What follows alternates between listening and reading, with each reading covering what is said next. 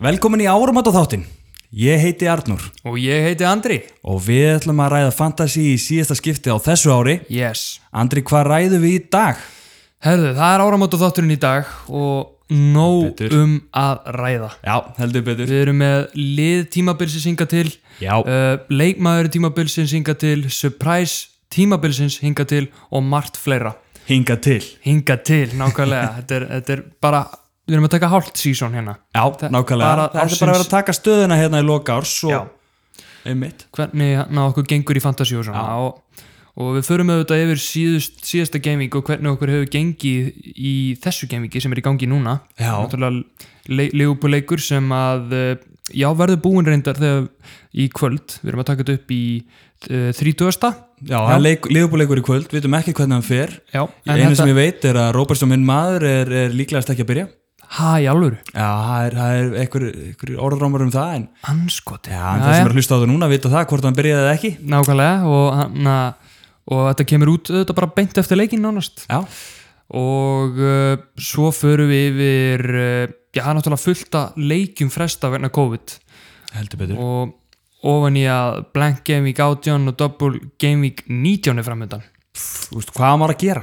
Ég veit það ekki, en ég get sagt það að ég er með wildcard active. Þú að setna velkartið er Yes. aktiv gott fólk Það er og þessi svoleiðis. maður hér er búin að aktiveita það Heldur betur. Er ég búin að aktiveita það? Ég er ekki ennþá búin að aktiveita Ekki- það ekki en ég veit ekki hvort ég ætla að gera það Já, út af því að, Ég er að svitna já, út af því að maður veit ekki hvort að deildin verður sett á ís. Nei. Þannig að ég var í slæmum málum með að deildin er sett á ís. En ef hann er sett á ís þá myndu þau líklegast hérna, Gefa annað wildcard. Wildcard, já, já. þeir gerðu það síðast. að gera það síðast Já. Þannig að uh, Já, Já. og svo eru þetta, ef, en ef hún verður ekki sett á ís, þá er að spurning hvort við gerir free hit gaming 18, triple captain það eða er bench chip boost sem hægt gaming er að 19. nota ég meina, þú veist, og, og við erum að fara yfir sko, umferðina sem að var hérna, síðast sko, ekki Já, Mhm. lípa, og líka umferðina sem er í gangi núna þú veist, það er allt og mikið að leikum og það er hérna COVID í gangi og getur verið uh, frestað og, Mhm. það er allt í gangi og hérna maður er bara kósveittur að reyna að finna út af hlutunum Kópsveitum að þetta er bara helvitsvísinn já, og pluss það, í fyrsta skiptið fáum við gest í þáttinn. heldur betur Yes, þið heyrið það kannski, hvað heyrið ég Andri? ekkert bergmál? Nei, heldur betur lítið ekki bergmál. nýr mæk Yes, sem ég fekk í jólagjöf það er jólagjöf ársins. jólagjöf ársins hérna og, og við erum konum með þrjá mæka sem að Yes. þýðir að við getum fengið gesti Yes, í podcastið og uh, það er gamli góði vinnur okkar frá Svindon í Englandi, uh, á Englandi, Max Hopkins. Já, Yes. heldur betur Okkar maður, Okkar maður, hann hefur já, hann er svona sámaður sem að ítti hvað mest á okkur að gera þetta podcast já, og hefur verið lengi í fantasíbransanum og verður gaman að heyra í honum ítt okkur í að fara svolítið í fantasy, sko. Já, Þannig að það verður ótrúlega gaman að heyra í honum í lok þáttarins. heldur betur En árum að þáttur Andri, Yes, litla veislan heldur betur. velunaðafitting og það er allt í rugli í fantasí og ennska boltanum yfir höfuð Já, og eh, við erum komið með funheitt te já, jólate. Já, með Mhm. lakrísbræði Mhm. Með lakrísbræði. Hann er gott eftirbræð sko Herðu, þetta fílaði. Já, Mm. þetta er gott Næs, nice, Þetta er mjög gott Ég, þetta er bara besta teð sem ég fengi Þetta er mjög gott sko Mm, I like that. og, En nú eru jólin liðin eða, eða það er að segja Við erum Já. búin að opna pakkana Hvað fæst í jólagjöf, Andri? Herðu, ég náttúrulega, ég er í legubuldreifu sem ég fekk reyndar fyrir jólinn, Já, svona fyrir jólagjöf en ég er í fyrst skiptið inn í þættinum. Já, Það er vel við hæfið þar sem jólun er búin og þetta er jólagjöf en Heldur það er away kitið á Leopold með Diogo Shota aftan á Já, og ég fekk þessa treyju nema rauða Mm, Já. Rauða he- heimakittið Yes. með jóta Já, aftan á Þannig að akkurat. við erum orðnir jótabræður Jota bræðinir Heldur betur Og ég er í jólagjöf frá þér, Andri einmitt ha, Þetta er Ha. blackout Já, kittið hérna frá- Blackout version af 2001-2003 tímabilinu á Leopold Já, með Carlsberg styrtaraðinum og The Blackout þetta sko. þetta er rosalegt sko Þetta er, svo- og það eru fjóra stjörnur hérna Já. þetta er sérst fyrir 2005 Já, þegar, þannig að- þegar Leopold er ekki komna með þessar sex stjörnur sem einmitt eru með í dag en þetta er mjög cool, mjög þægileg treyja How Time Flies tveir, Ah. tveir sigrar í mestræðildinni síðan þá heldur betur og svo fengum við podcastið hérna jólagjöf já einmitt frá tíu ára bróður okkar já Hrafnkili Þetta er rosa, við fengum bók Þetta er rosalegt, hann hann gaf okkur bókina hennar Liverpool flottasti klubur í heimi Þetta er rosalegt upplýsingar um uh, eftir Ylluga Jökulsson, þetta eru upplýsingar um hvern og einasta leikmann í Leifupúl Já, já, og þjálfara og slíkt og fallegt á honum að hugsa til okkar Já. bræðina Gefa okkur Liverpool bók Svo fekk ég Tíu ára þetta, gamall. svo fekk ég þetta frá þér uh, Nike peysu Já. Vín, Vínrauða í selfoslitunum Já, heldur okkar betur. heimaslúður Já, gott, fyrir, gott að vera í hérna með að taka upp podcast Já, ekki það sko Svo fekk ég bara voða mikið fyrir heimilið sko Já. Svona næst, næst út Björglöðs og, Já, næs, og geggja alls konar Very nice Já, sama hér, ég fekk kertastjaka og Já, hérna, já Fest skálar og múmín, eh, Já. bolla og eitthvað svona Þú dótt fæst náttúrulega líka frá mér uh, pakka Matchatax pakka Já, heldur, og þú líka Já. frá mér og ég gaf hverðan matchatak pakka það var pakkaopening Já, ég, ég fekk, fekk uh, De Gea í glansi minni mig Já, Nei, ég fekk Laporte, Hero, rosa spil já, og hvað, hva, ég fekk ég ekki tvo Jú, fyrst Dan Dan Burn eða eitthvað Declan Rice Declan Rice, já Tvo í Declan glansi. Rice í glansi Strangaðilegt sko Rosaleg En við erum á Twitter, Instagram og Facebook leitið að Heldur podcastinu og þið munu finna okkur mm og endilega subscribe okkur á Apple Podcast og Spotify og Já, já reyta podcastið Heldur betur En við hérna þurfum nú ekkert að fara yfir stöðuna í deildinni Andri, við erum í miðri umferð og, og, Já, það er og rétt. umferð, staðan í deildinni er að rokkast til og frá Algjörlega og það er nógu um að ræða í þættinu hvort sem er, þannig að Mér finnst samt svona ársins uh, leikmaðurinn í deildinni í ársins er örgulega Dzeko Sporín Hann er örgulega búin að vera oftast á toppnum í deildinni Já, og er hann á toppnum svona as we speak svona í miðri umferð maður sjá bara til þess að svona rétt fara yfir það ég, því að út af því að nefndu það ekki sko fyrir síðustu umferð Já. en ég er að finna deildina hér hjá mér as we speak það er að reynast mér ágætlega erfitt en þannig er þetta og nei, hann er ekki, ekki fyrstur as we speak Já, það er uh, Mexanix Árni Magnússon í miðru umferð hann er komin í fyrsta seti Hann er komin í fyrsta seti hann hefur náðu þessu í senustu umferð Ok, og Þannig að- Gregor er þá í hann er í öðru seti Já, já, já, og Andri Kristinsson AK-47 í fjórða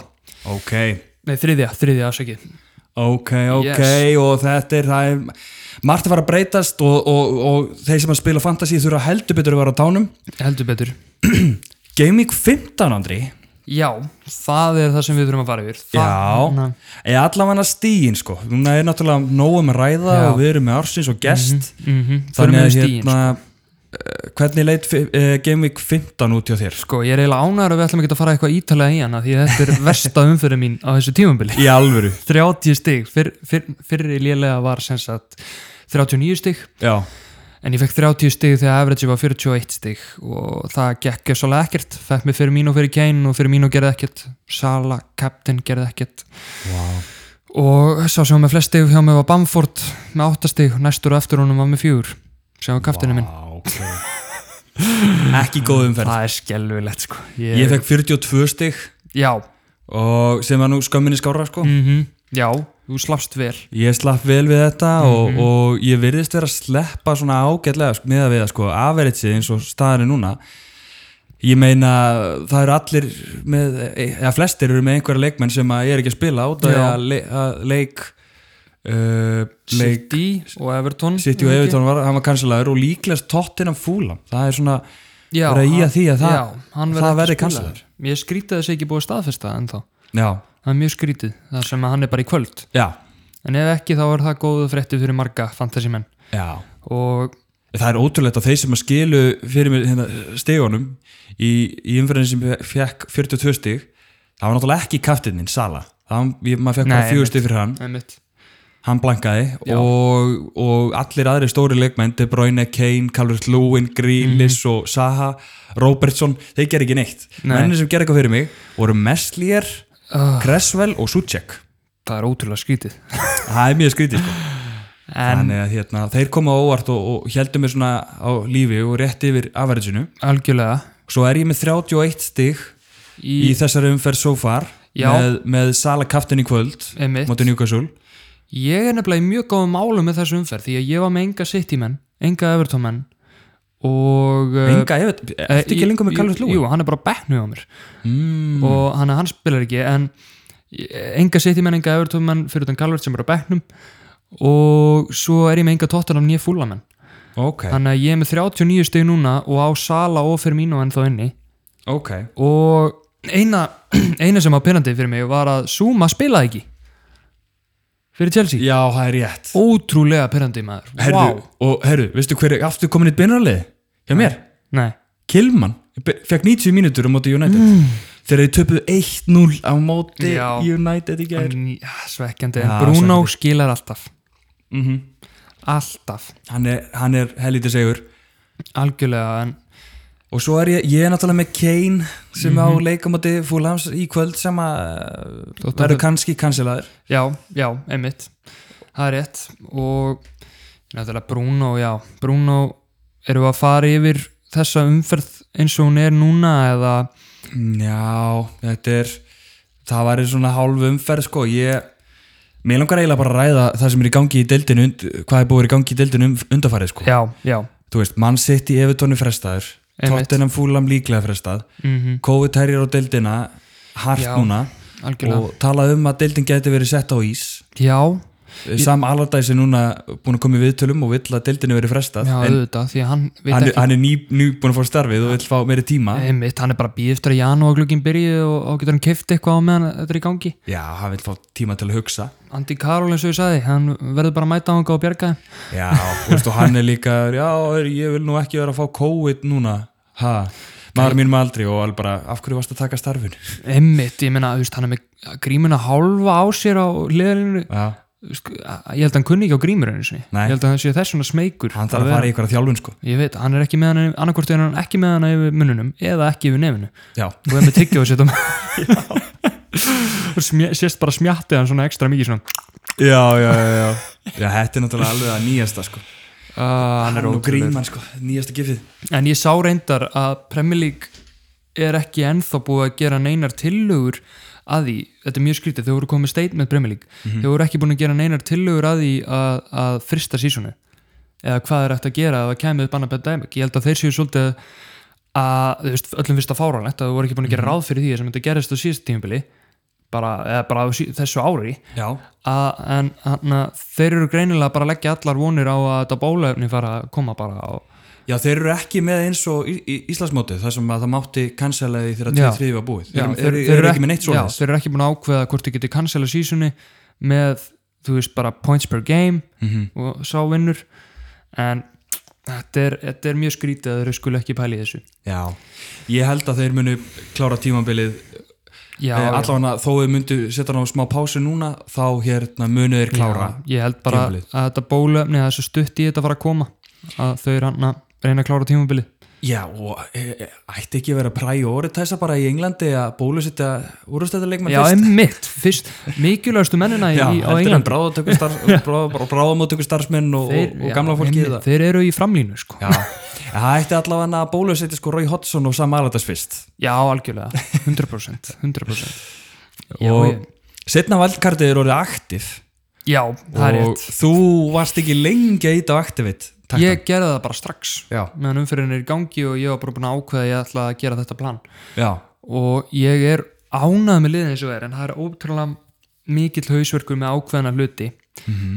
út af því að maður er nú að reyna að vera með sem flesta í Double Game Week 19 mhm og hann að þá er Hvað eru beinn- margir í lið, liðinu þínu með Double Game Week akkurat núna?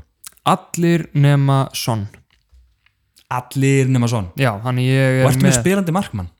Þú veist varmarkmann? nei, ekki með spilandi varamarmann Ég er nefnilega að hugsa sko ef ég fer í valdkarti að þá ætla ég að vera með tvo spilandi markmann og, og taka bench boost já, ég, ég var að pæla í benchboost, mér hefðist bara sko Þú, þú ert eitthvað meira að hugsa kannski triple captain ég var að hugsa triple captain þar sem Sala er sko, að- að ég kom með fyrsta draftið af valkartliðinu mínu Já uh, sko, ég þurfti að fórna pening sumstaðar til þess að vera með Það er spilandilega bara back. þannig er leikurinn og þá náttúrulega þurfti ég að fórna í markinu Mhm. og varamarmaða náttúrulega sem er ekki spilandi Já, þú meinar en ég er með Areola í markinu hjá Fulham Ariola já, og ég hugsaði bara þú veist það er minnsti stigamunur á markmunum Já, besta markmannunum og ódýrista markmannunum já og ég bara er að leggja ekkit ómikla væntingar á að markmaðurinn minn sé að fara að bjarga mér ykkur stigum. Og Fúlam er náttúrulega búið að bæta sér rosalega Já, mikið þeir eru að fá þessu mestalagi kannski eitt mark í leik Já, og eru að ná góðum úslitum og út um góðu liðum já, já og hann á doppelgaming. Og Ari Ólafsson er segur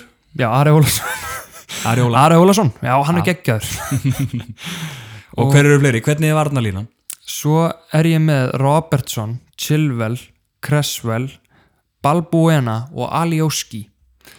Aljóski mættur að þér Hann er búin að vera svo rosalegur í síðustu leikjum Já, að skora. Líts líka bara, þeir eru aftur í dottinu já, gýrin þeir bara skora endalist og mér finnst ég vera sko, hann er á 4,5 miljonir. Mér finnst það heimskulegt að við- reyna ekki að vera með hann í liðinu. Já, En aftur á móti var það höfverkur því ég, ég er meira að finja á miðinni og Bamford frammi Mhm. og þá vildi ég vera með mestlýr í markinu. já það er náttúrulega eru það fjóri er, leikar já, það er ekki hægt ef ég ætla að vera með Alioski líka Já, þú Og veist það er síðan- náttúrulega kvótin farin þá já, og svo ef ég tekur að finna út þá veit ég ekki um neitt sem ég vil vera með annan nema Harrison, sem er líka lýts Mhm. Já, eða, já, já, eða Neto Þið langar bara í Líts liðið, bara Já. allt saman e, nema, þú veist, þá get ég fengið með Neto en hann á ekki doppel gaming Já, við þetta þannig að þetta er mjög mikill hausverkur en svo er ég með á miðunni sem sagt Rafinha, Son, Susek, Sala og Bruno Fernandes og frammerðinni mínir eru Bamford, Vordi og Jay Adams og það var ótrúlega erfitt að segja bless við góða vinn minn Super Jack Grealish Já, en hann á þ- tvo erfiða leiki framöndan og hann er ekki með double game week já, hann getur komið inn setna kallinn ég finn til já, ok og líka þurft að kveðja Calvert Lúin góðan vinn minn sem er búin að vera með mér frá game week 2 Í alveg, e... ó nei já, Það er hræðilegt Já, lett. Nei, hann að ég er búin að vera að skoða þetta að þetta er leið til þess að spara pening í leiðinu eða að fá sér Che Adams fyrir Calvert Lúin því að undafarið, þú veist, Calvert Lúin náttúrulega skoraði þessa einu þrennu og það er í rauninni einu munurinn á þeim tveim stigalega séð að þeir eru að gera það nákvæmlega sama nánast, það er bara eitt assist, eitt mark kannski og þeir eru búin að vera svona ótrúlega svipaðir ef maður tekur þess að Í þrennu frá alvöru? Já. Ertu ekki að ljúga? Þannig að hann, þú getur fengið bara svipaðan leikmann fyrir 2 miljón ódýrara og þetta var svona leið til þess að frí upp space í liðinu og Jay Adams er búin að vera drullu góður. Vá Já, já. það er þarna, hvað, 23 stegar munur á þeim En þetta er aðalega þessi þrenna. Já, Adams er sigur Mm Mhm. Og ég er að hugsa að hann sem bara þriða strækir til þess að geta fríðað upp space í að gera hitlið dýrara. En ég er ennþá alveg að báðum áttum hvort ég ætla að halda Chilwell í liðinu. Já, Það gæti verið ég það þurfi væri að kannski einhver leiðana til að spara pening með því Já. að taka hann út spara pening, taka hann út, fá mér eitthvað nódýrari, fá mér betri markmann eða markmenn. Sko, ég, ég, ég held að leiðinir, sko, by the way, ég held að ég sé að fara íta á Activate takkan á valkartinu Ok, ok. vegna þess að, og, og það má ekki glema því að þú ert þannig að plana fyrir doppul gamevikið sem er Mhm. eftir tvö gameviks og þú ert þá væntalega að plana free hit shipið Já, í, í leikveikunni þar sem helmingu leiðanum spilar já, átján. það er bara helmingur Gaming af átján. leiðanum sem mun spila Það er tíu lið að spila í gaming átján og svo er það double gaming í nítján. Já, það er sem að, það sem að liðin sem er ekki að spila tíu, þú veist, það eru tíu lið með doppul Mhm. Já. gamevik Og það er mjög margir hjá mér sem eru ekki að spila þá og þá, þetta er bara fullkomið fyrir frí hitt, finnst mér. Að hann að nota gaming átján í frí hitt.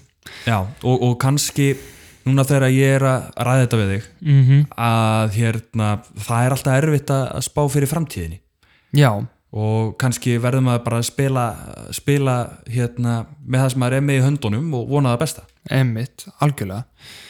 Ég allavega sko, og deadlineið er 1. janúar klukkan fjögur já, já, fyrst í janúar. nýjár Það er rétt. Hú. Ég bara allavega, já, með Chilwell, þú veist, hann er að mæta City næst, svo hann, svo hann á hann double gaming með Fulham og Leicester. Já, svo Wolves Burnley, ég veit bara ekki þú veist, hann er að assista á hana en ég held ég gæti fengið mér ódýrari mann og samt verið í góðum málum og verið í betri málum með markmenn Mhm. já, þetta er höfverkur sko þetta er mikið hlöfuverk en Robertson er staðfestur sko ég, hann, að- ég hef mikla trú á honum að hann, hann er bara lítið svo vel út og Leopold verðist vera Svona betri stígandi þrátt í fyrir- liðinu. já, þrátt fyrir þetta eitt eitt jafntöflum út af Vesprám Já. þá hann að er hann Hann er að taka hotnin af Trent og annað sko algjörlega Það er stígandi í Robertson sko og hann er bara segur og ég held að ég muni ég, ætl- ég ætla náttúrulega aðeins að spurja Max hvort að hann sem er svipuplun já, já hvað, hvað er svona hans view á þetta allt saman -hmm.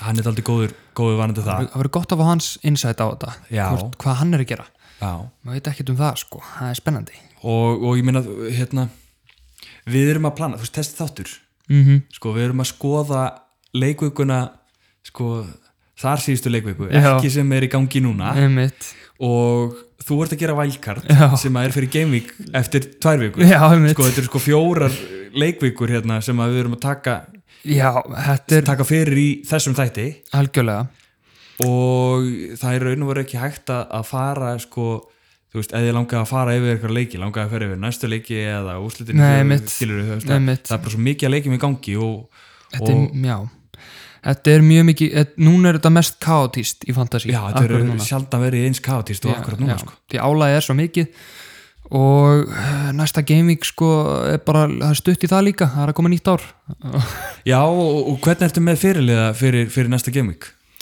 ég er splittaður á milli þess Bruno Fernandes á móti Aston Villa á heimaðulli eða Sala útiðulli á móti Southampton ég er nákvæmlega sem að með sko ég svo er er að, Son á móti Leeds á heimaðulli líca já, ég er með Kane á móti Leeds líka oh.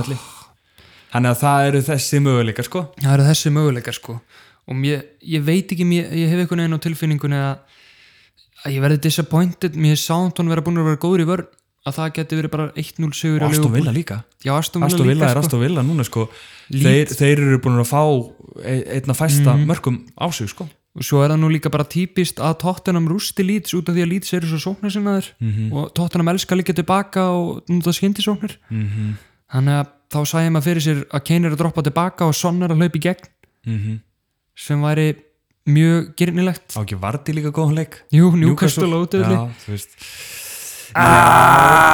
Vorti er líka betri útöðli eða ekki oh, Jú, Minna hann það. er miklu betur, á, miklu betur útöðli skorar ekki á heimaðli og Ég held að fara svolítið eftir í náttúrulega legubilar að mæta njúkastur í kvöld Ég vil sjá hversu mikið leganda njúkastur er með já, til þess að sjá, sjá hvað Vorti geti gert á mótuðum akkurat En þetta verður það er einhver alltaf fullt af hausverkur fyrirlega möguleikum Já og ég, ég hata stundu þegar svona mikið af já, möguleikum líka Það er bara hausverkur og, Og- maður er alltaf með kvíðum að gera vittlust já, hræðilegt ef maður velur svo, svo er líka í svona gameweeki, ef við förum aftur núna er áramót Mhm. og við lítum yfir farin veg Já, já, og við förum til gameweek, gameweek 1 á, já. Mhm. leikviku 1 uh, þar sem að Arsenal mætti Fúlham og Já. hver einasta manneski var með Obama í liðinu sínu og, og flestir kaftinu Obama Mm ég var með hann kaftin já ég líka hann skoraði, mm Allir voru Mhm. eitt mark sáttir allir voða sáttir og hvað gerir Salah með hann? Nákvæmlega, þrenna skoraði þrennu og endaði með 40 stíð sem kaftir já, hann er held ég ennþá besti kaftiðin á þessu sísoni já. sem hægt var að vera með og hafa ógíslega pyrrandi að byrja tífumbili svona já og þ- þannig var maður alltaf að klóri bakkan og alltaf einhvern veginn eftir á að býða eftir að, að ná svona kaftin já, þannig að hérna og núna eins og þetta með síðasta leikveika var ekki góð hjá okkur nei og, það, og þegar maður uh, klúðrar fyrirlega valinu þá er uh, slæmt gameweek hjá manni já, ég, na, ég man ekki eftir ég hafa náði svona góðum kaftin í langan tíma sko. Nei, svona svipaðan og sala sko. Nei. það er bara vonandi í double gaminginu næði því já ég er með allavega hérna, ef ég tek svona smá hérna, fórskott á sæluna með Já. svona ársins, já, gameweek ársins já Vá. og ég er nú ekki með neina tilnefningar af því að ég, ég bara var í því, ég var bara að skoða hva, hver er búið að vera besta gamevikið hvað er búið að vera besta gamevikið mitt hinga til já, já, já, já, já, hjá þér sem sagt já, hjá mér ok, ok, og, og svona uh, og hvað get ég lært af því, það var gamevik 5 gaming 5 ok, 89 stig sem ég fekk þá ok úf, og Kane var kaftinn og fekk, ég fekk 32 stig fyrir hann það er rosalegt sko það er mjög gott og það var valkartvikan mín það var, vikan sem, það? það var Já. gamevikið sem ég valkartaði Ég man að mitt valkart feilaði illa, ég fekk 43 stig eftir valkartu mitt síðast. í gamevík 3 var það ekki Jú, það voru mistök sko, því að þá líka átt að með þess að því að þetta var mikið þólimaðis verk sko að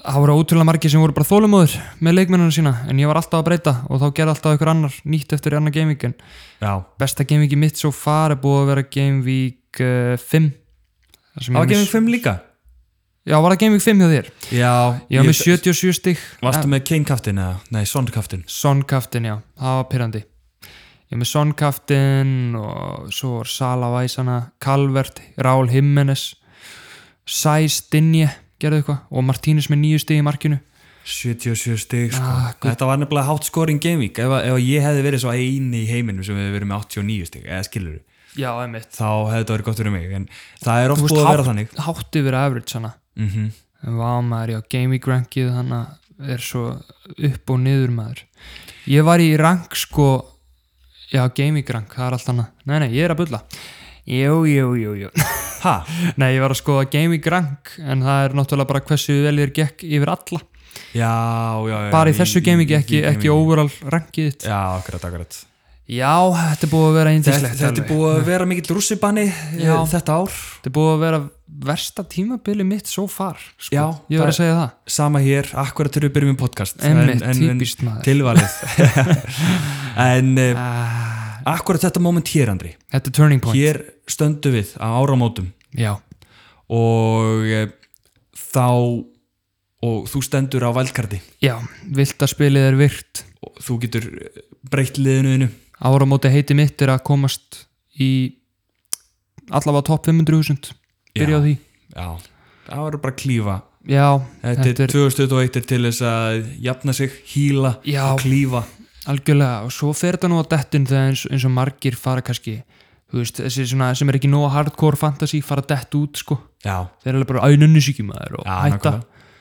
ekki hætta, þá, þá þeir sem eru að hlusta ekki hætta nei, nei, nei, nei, nei, það er einmitt máli sko það er alltaf þannig hægt að maður, maður fer alltaf að klífa sko á nýja ári Já, emmitt það er svoleiðis og, og, og núna sérstaklega að því að hinn venjulegi eh, fantasyspilari eða svo sem spila fantasy lítið er kannski ekki varum að Já, um, um svona double game week blanku game week já, og allt þetta og allt sem er í gangi núna og, Emmitt, og emmitt leikjum frestað og hvað þýðir það fyrir fantasy og allt það en það þýðir bara ef að leikjum er frestað þá bara spilar ekki leikmærin þessu umferð og Einmitt. fær bara núlstig fyrir hann Emmitt, eins og margir getur lengt í því bara að þau vita ekkert Þeir eru bara, hæ, þessi leikmenn ekki að spila og viti ekki að þau getur nota frí hitt í já, game week átjón til þess að bjarga sér og vera með heilt lið já, Að- Þá getur maður virkilega fara að klífa því að margir gera ekki frí hittið hana já Þannig að yes, það verður rosa- akkurat, þannig að hérna, við verðum að standa okkur á nýja ári heldur betur og ég held að það sé bara komin tími á stóru stundina þessi yes. áramótin Lýs mér á það Það er velunafettingin og sjálfsögðu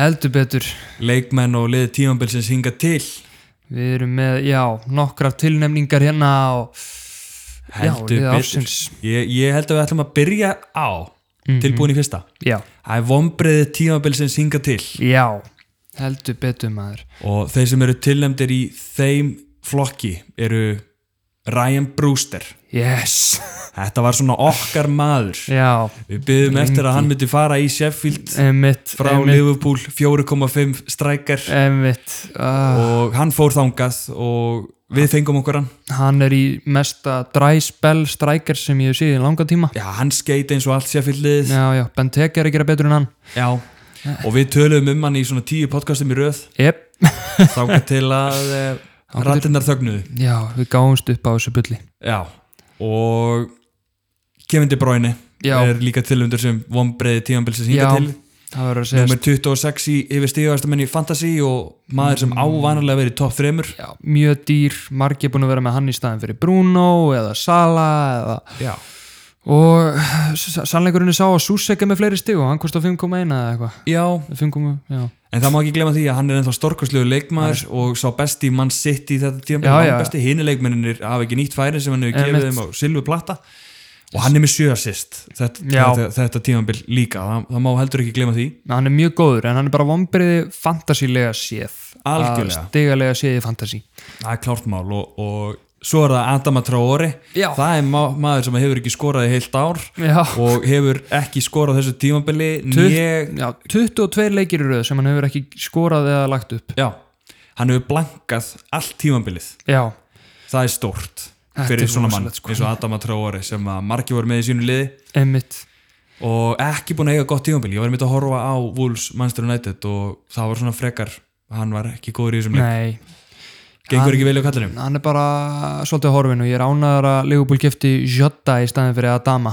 já, og okkur langaði með díjan emmitt, okkur langaði í hann sko það var vel Þetta- spottað, en eh, Klopp veit hvað hann vill já, heldur betur yes svo síðastur og jafnvel sá sístur síðastur og jafnvel sístur uh, það er Obama Young Já, þetta er Eh. fór úr því að vera flokkaður sem strækari yfir í miðumann og allir peppuð hann og voru með hann fyrstu umferðinar kostaði 12 miljonir 12 miljónir og jafndýr og hvað sala já, Mhm. jafndýru sala, bara jafndýrastur í leiknum yep.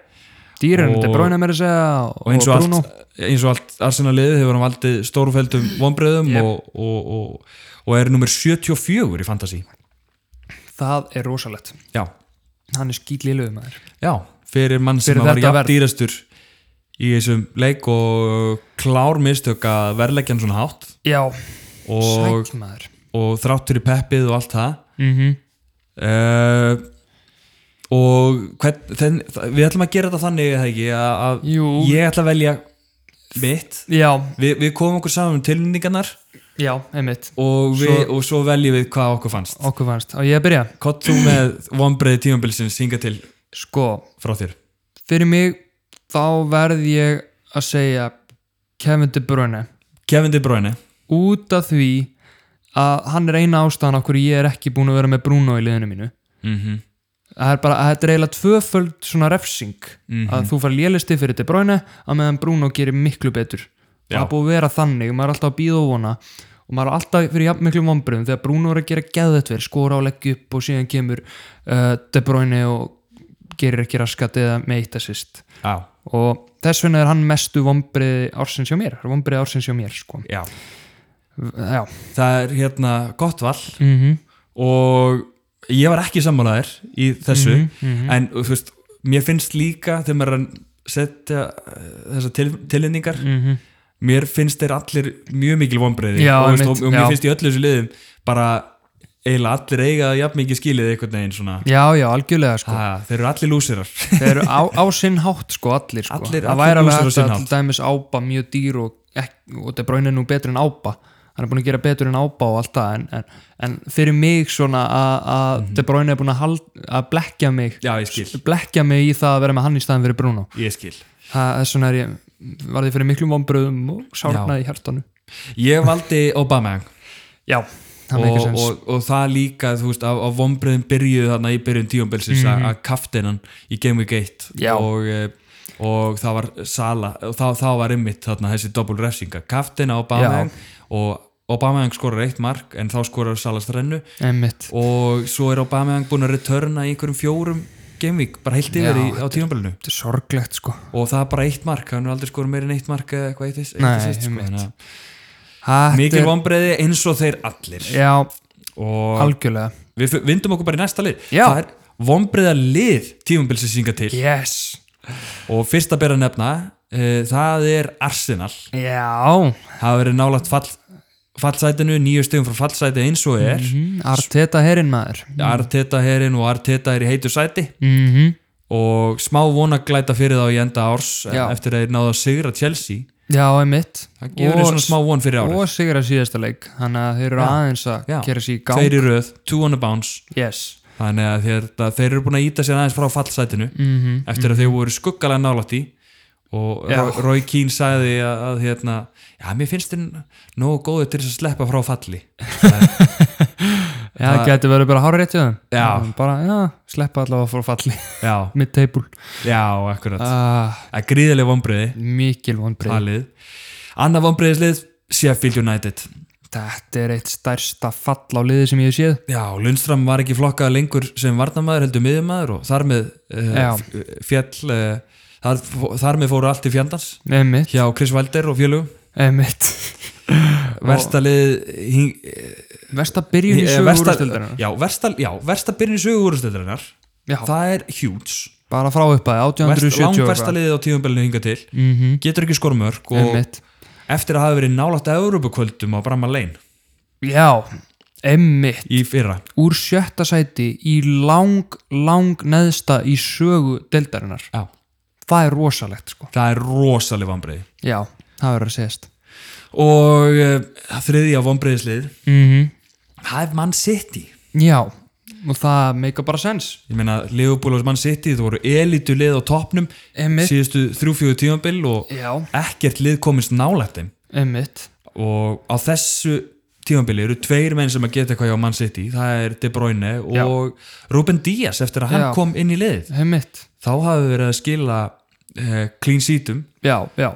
og hann er með Ruben Díaz er með sjö clean sheet í 12 leikjum já, sem er langbesta ratioið í delfinni hann er búin að vera mjög góður sko, og búin að þjappa saman vördunni fyrir ekki mikil markaskorari en hann gerir varnavinnuna það já, og já, City er líka bara ógstlega mikið vonbreiði líka fantale- fantasílega að sé að þeir voru alltaf þekkti fyrir að vinna stórt -hmm. þeir eru ekkert í því núna nei, jú, erum Mhm. Peppi 1-0. byrjar að hrauna við leikmenn sem er mjög óvanalegt andin er ekki sá sami og eru í áttundasæti eins og er já, einmitt, þetta er skelfilegt sko já, þannig að Eh, þeir þurfa að gera stór- sér í brók já og hvað velur þú sem svona vonbreiða lið tíðanbilsis? ég verða að segja af öllum þessum Sheffield United Já, það er bara versta byrjun í sögu deildarinnar frá því að vera næstum því í Evrópudeildinni og eins og maður var nú spenntur í byrjun tímabils að vera með menn eins og Baldokk, einhverja menn til að leggja upp hérna úr vörninni Ramstil í markinu já, Ramstil í markinu og, og það var allindalust talað um Sheffield Asset og Brewster er líka þar í þokkabót og svo geta þeir bara ekki blöytan skít allt í einu og eins og allir hafi bara lesið taktikiðra og þau veit ekki hvað þeir eiga að gera Já, og þetta er bara mest bara stærsta fall á liði sem ég hef séð samt með sama le leikmannahóp já, það er ótrúlegt og mér er þess að bættu í hann bara já þeir mistu ekki neitt leiki leikmann nema náttúrulega Dean Henderson uh -huh. en ég ætla ekki að trúa því að hann hafi áhrif á mörkið þeirra Nei, Þú veist, þeir, akkurat. þeir skora bara ekki Nei, ég kunni ekki að skora mörg Nei. og ég valdi annað lið sem vonbreiðalið tíðanbilsis mm. Ég, nú, nú valdi ég Obameyang sem vonbreiða mann já, einmitt tíðanbilsis mm og ég valdi ekki Kevin De Bruyne Nei. og ástæðan fyrir því var að Kevin De Bruyne er að gera allt í þessu liði Já, já. á meðan að allt liðið er að valda hvað mestu vonbreiðum að það geti ekki svona klára færin já, einmitt og þess vegna vel ég Man City sem vonbreiðalið tíðanbilsis já, og það meika líka sens og líka þetta hrun frá því að vera elítulið með Liverpool og engin lið gáttu snert þessi tvö lið maður var smeykur við það og, og, og meiri segja er þeim alltaf bara spáð titlinum já, þótt bara þótt að Leopoldinu titilinn Og- og, og- þótt að Leopold byrji betur Já. þá er, þá er ennþá verið að segja sitt í vinninu titilinn, ofur tölvan er búin að reikna þetta út Já. og ég bara sé það ekki fyrir mér sko United eru núna í öðru seti já, þetta verðist vera sko, sko sjá þetta top 3 Liverpool, Man United, Leicester og Everton já. þetta er sko- orðið Þetta, er, þetta er líka stór skrítið tímabil sko já, mjög skrítið tímabil en vá hvað þetta verið spennandi sísón ef að United og Liverpool eru í titilbáratu já, og, og, og ég, ég tek því fagnandi að fá baráttu við mannstur nættið já, frekar en City maður City bara sko, þolir það er, ekki þú City. veist þegar þegar alltaf er að City vann deildina þá voru engin menn hérna einhverju nema 2-3 ráðinu í Íslandi sem að fögnuðu því sko Einmitt. Og svo sem var ger- reyndar alveg fínt já, já, skilurðu. já, já, en en, en, en það bara svona einhvern veginn að því að maður, maður Drepur langar smá að feelingin. rífast við United Einmitt, mann já, og ég meina þetta myndi líka gera Liverpool United leikin í janúar ennþá stærri Já, þannig Já, að það hann verður, verður þetta stór. verður rosa leikir sko.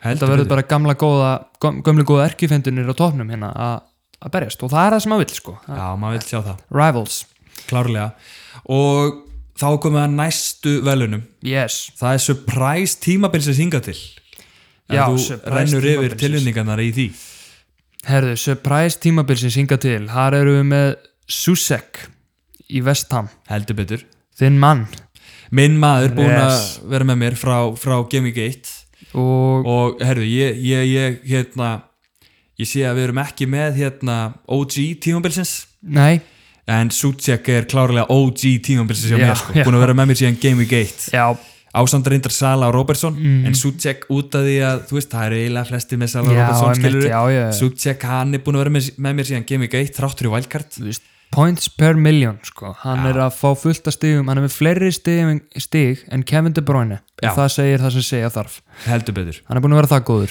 en hafandi sagt það Mhm. að hann er náttúrulega OG hjá mér hann, er, hann er ekkit endilega svo mikið surprise hjá mér Nei, mér, þú vissir þetta og spáður þessu bara já, já það, já. það var spáð fyrir tíðanbíla að hann myndi skora í þriðja hverjum leik og það var ógeðslega lengi að gerast já, einmitt, uh, þanga til núna einmitt. hann Það er var nú byrjaður sem hann að, byrjaður að skila sér og, og ég meina hann er 6 miljónum ódýrari heldur en De Bruyne Mhm. það er sko bara helmingi, ó- meir en helmingi ódýrari já, og er samt með fleiri stig en De og, Bruyne og er betri en De Bruyne Þa, já, nei mitt nei, þú veist, það, það líka lýsir svolítið þarna, uh, af hverju hann De Bruyne er já, smá vonbriði já, en já, svo erum við með Patrick Bamford yes. í Leeds, strækirinn Patrick Bamford og það er náttúrulega maður uh, við vorum f- svona fyrstu tíu Game Weeks -hmm. þá var ég að tala alltaf mikið fyrir því að, að það væri ekkert vitið því að fá Leedsmenn mm -hmm. út af því að allir myndu skora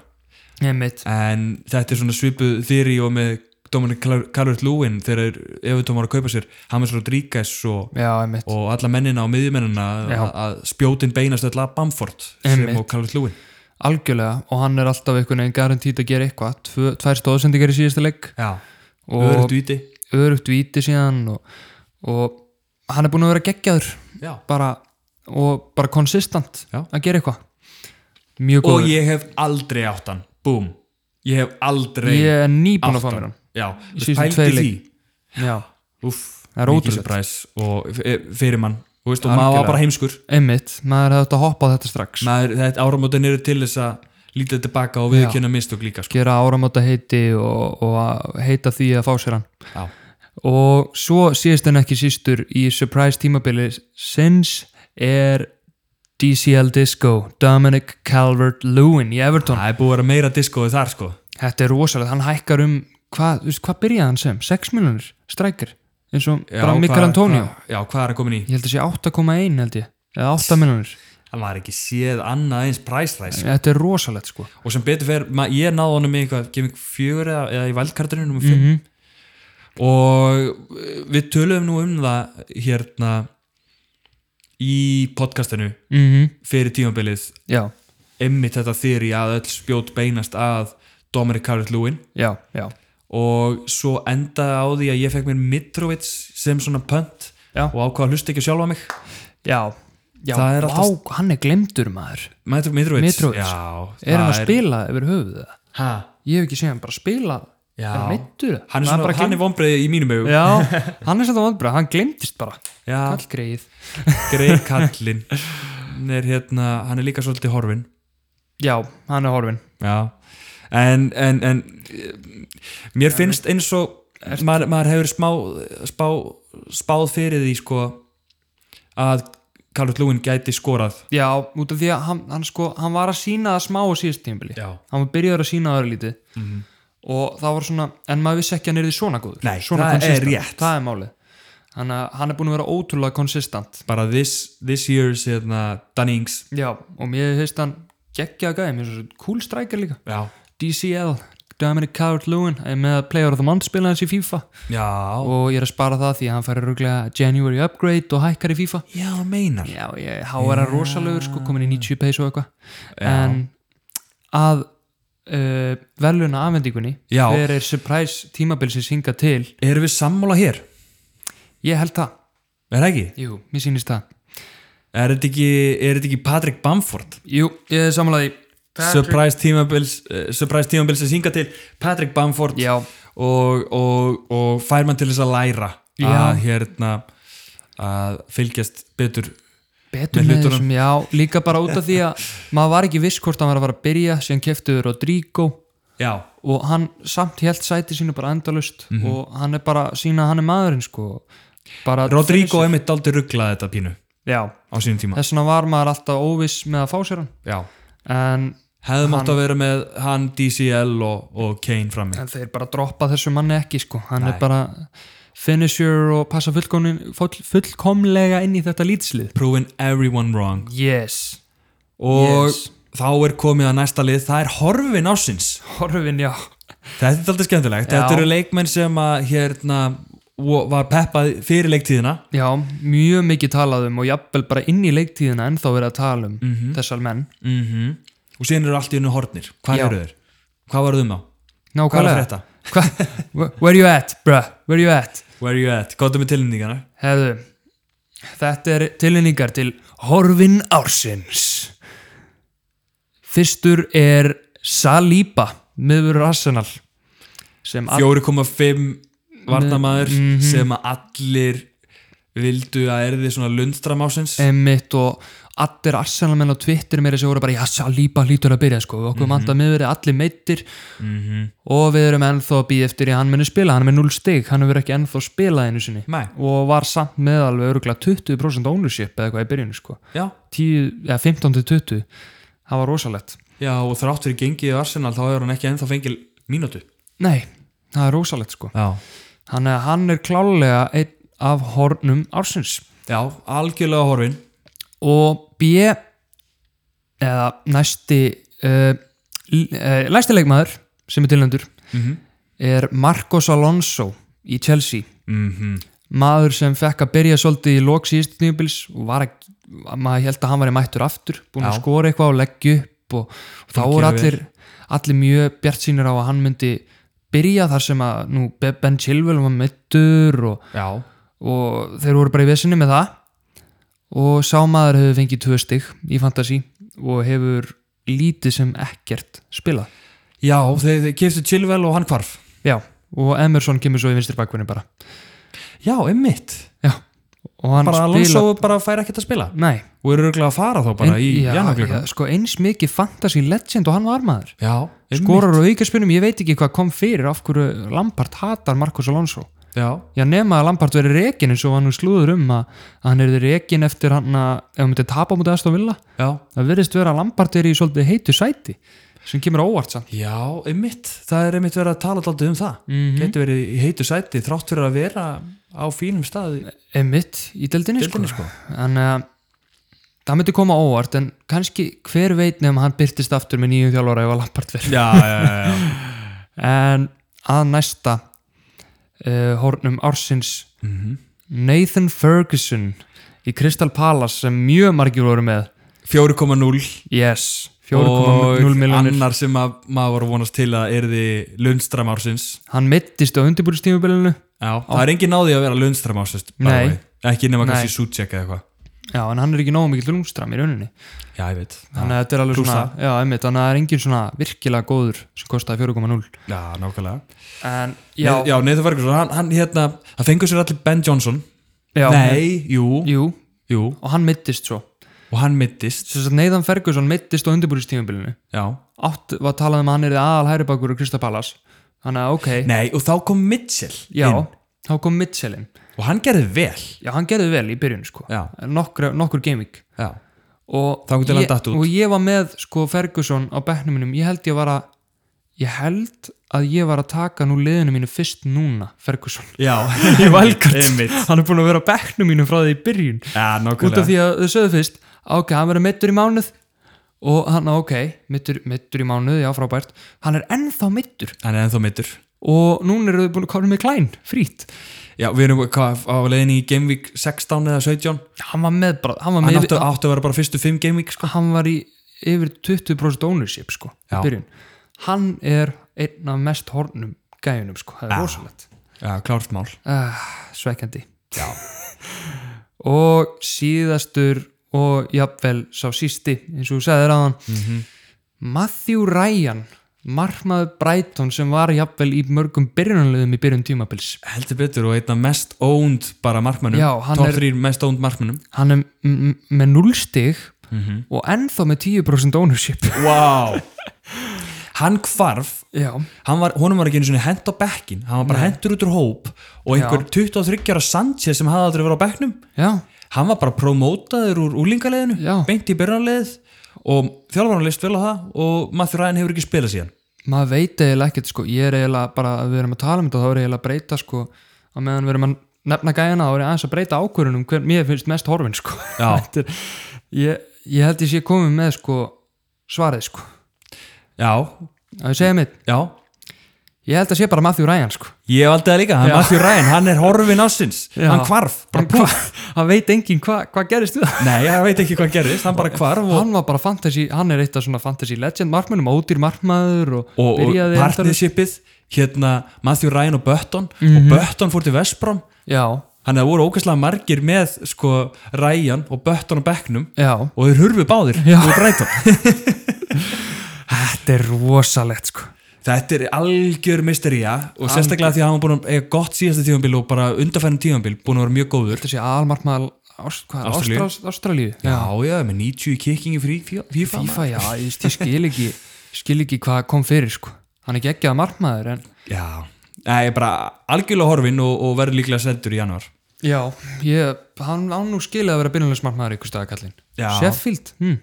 já, Ramstil ekki að standa sig já, heldur betur já, já, en, herðu, við erum bara komnir í já, í bara aðal kjötið það er bara aðal velunin já það er heldur betur við erum komnir að lið tímabilsins og er ekki hann að, hann að leikmaður ættum við ekki að taka lið tímabilsins já, og, svo, svo leikmaður hver er Jú, bestur ég er sammála ég er sammála, við tökum Og- og... fantasy lið ársins en samt ekki bara tekið með stegum en lí, ég, Lí, ég, líka lí, liti til getu á Já. vellinum hversu góðir ég, sko ég leit basically á þetta sem bara lið ársins hverju er búin að vera bestir hinga til já, bara, þú já, veist, ekki bara í fantasilegum skilningi nei, mitt ég sko, ég er með já, ok ég tók svolítið bæði já, það er tók alltaf smá stig en reyndar er þetta allt sko, ég ránaði með liðið sko og, Þetta er, og hver er uppstillingin, hver er formationu ég fór í 3-5-2 3-5-2 já, þetta segir mér að við erum ekki með samalið ok, ok af því að ég er með 3-4-3 3-4-3, ok, ok Já, og, og, og en við sjáum samt báðir að, að hérna, varnamenn eru ekki búin að gera sig Nei, heimitt það er Ekki búið að gera miklu auðveldur að velja sko, miðjumennina og sonumennina Algjörlega, algjörlega Sammála því, Já. sammála því en, en erum við sammála um markmannin það er kannski, við byrjum Já. í markmannstöðinni Ef að byrja þá, já, þá byrjum við bara á því já, Segja minn, já, gotum með þinn ég valdi Pope í Burnley Pope í Burnley Þar sem að mér finnst sko Hann fór út, mittist í smá og já, kemur svo aftur mm -hmm. Þa, það, Þetta er bara gjörbreytt lið þegar hann er í liðinu Bara Og geggjaður maður markmaður. ma sé hann líka með, með einhverja sturlaða markverslur mm -hmm. Ef hann væri, í- hann- þú veist, hann gæti verið í mun betra liði já, Ég finnst að Chelsea hefði bara átt að kaupa Pope Já. Þetta mendi sér líka ótrúlega góður já, En þú veist, þeir hefðu getið kipt Pope og þú veist, hann getur spilað í það góðu löðu fyrst mér Hann Já. er bara ótrúlega góður markmaður Nick Pope, hann Ég skil- klikkar aldrei Og ég sko. skil ekki okkur hann er ekki aðal markmaður ennska landsliðsins Nei, Í staðan já, fyrir nákvæmlega. Pickford já, já, já. Þannig að, já, Pope er í liði ársins hjá mér já, ég valdi ekki sama markmann Nei, ég valdi ekki sama markmann ok ég valdi Emiliano Martínez til Aston Villa Ó, það er enda, það er líka- líka mjög gott sko hann meir, meira sér þegar við tókum hann úr liðinu eftir að hann frestaðist leikurinn, þá bara held hann áfram að skila stegum og Já. þeir heldur áfram að skila klínsítum hann er með flest klínsít í deildinni Og hann er bara f- líka með geggjaða markvæslur geggja markuslur, víti varið og ég fór að skoða líka markmannstats á Fantasy Football Scout mm. þar sem að hann er ofarlega í öllu Já, ef ekki efstur í flestu vá uh, sá sem er efstur hins vegar í mjög mörgu Mhm. -hmm. nema hann fekk flest mörg á sig líka, langflest mörg Já. það er Sam Johnston hjá Vespur Já, Salbjörn já, að hann á sko fullt af markvöslum Já. en líka fullt af mörgum, þú veist, það er náttúrulega bara alltaf leka hann hjá Vespur Já. Salbjörn og hann er, Hann er góður að standa markmaður. sig, góður markmaður og standa sig vel já Þú veist, Sheffield hefði átt að fá sér hann eða ætlaði að leita næsta Dean Henderson Já. Já, hann er búin að vera flottur sko Ána með Johnston Johnston og hérna þannig að Martíni sem er pópja þér Yes, og hverjir þrýr er í vörninni er í vörninni Herðu, ég er með þrjá Robertson, Já, Chilwell og Zuma ok, vel gert Ég, hann að, já Þetta eru tveir af þremur Hjá þér, Já, Já, mig ég, er grunaði með, það. ég er með Robertson og ég er með Chilwell Robertson og Chilwell Já, með grunaði að þú verður ekki með Zuma sko Nei, Ég einmitt er með Zuma út, þú veist Hann er alltaf þrett hann í loftinu Alltaf þrett í loftinu og líka bara Chelsea ha, hafa verið góður í vörn Já. á tímabilinu nema kannski á móti Arsenal og svona og, og já, vörninu, þau eru búin að ná fullt að clean sheets Já, og Zuma hefur stíð upp mjög mikið og sérstaklega sóknarlega já heldur þannig mig að ég eh, ákvað að velja hann hann í þetta lið annars hefði ég alveg geta sagt sko Fabinho upp á að dettin í Van Dijk stöðuna og standa sig en Liverpool er samt ekki hann á að halda þessum clean sheets og svona þannig að Já, já, Zuma segi ég já ég er með uh, Chilwell og ég er með Robertson og, og þeir hafa náttúrulega staðið sem mjög vel og Robertson sérstaklega farið svona vaksandi já og þótt að þú veist hann er líka bara hann er svo ótrúlega sínilegur í leikjum Já, og alltaf hættulegur, maður veit það já og tekur hornin og er að standa sig vel og, og er náttúrulega í toppliði liðbúl og, já, já, já, og hérna og bara eftir, eftir 7-2 tapir gegn næsta vila þá hafa þeir verið að standa sig mjög vel já, og klárlega stíðandi hjá Robertson og Chilwell, við sáum nú fyrsta leikinu honum Já. sem hann var gjörsulega geggjaður hann er geggjaður bakvörður Kliftur eins og alvöru breskur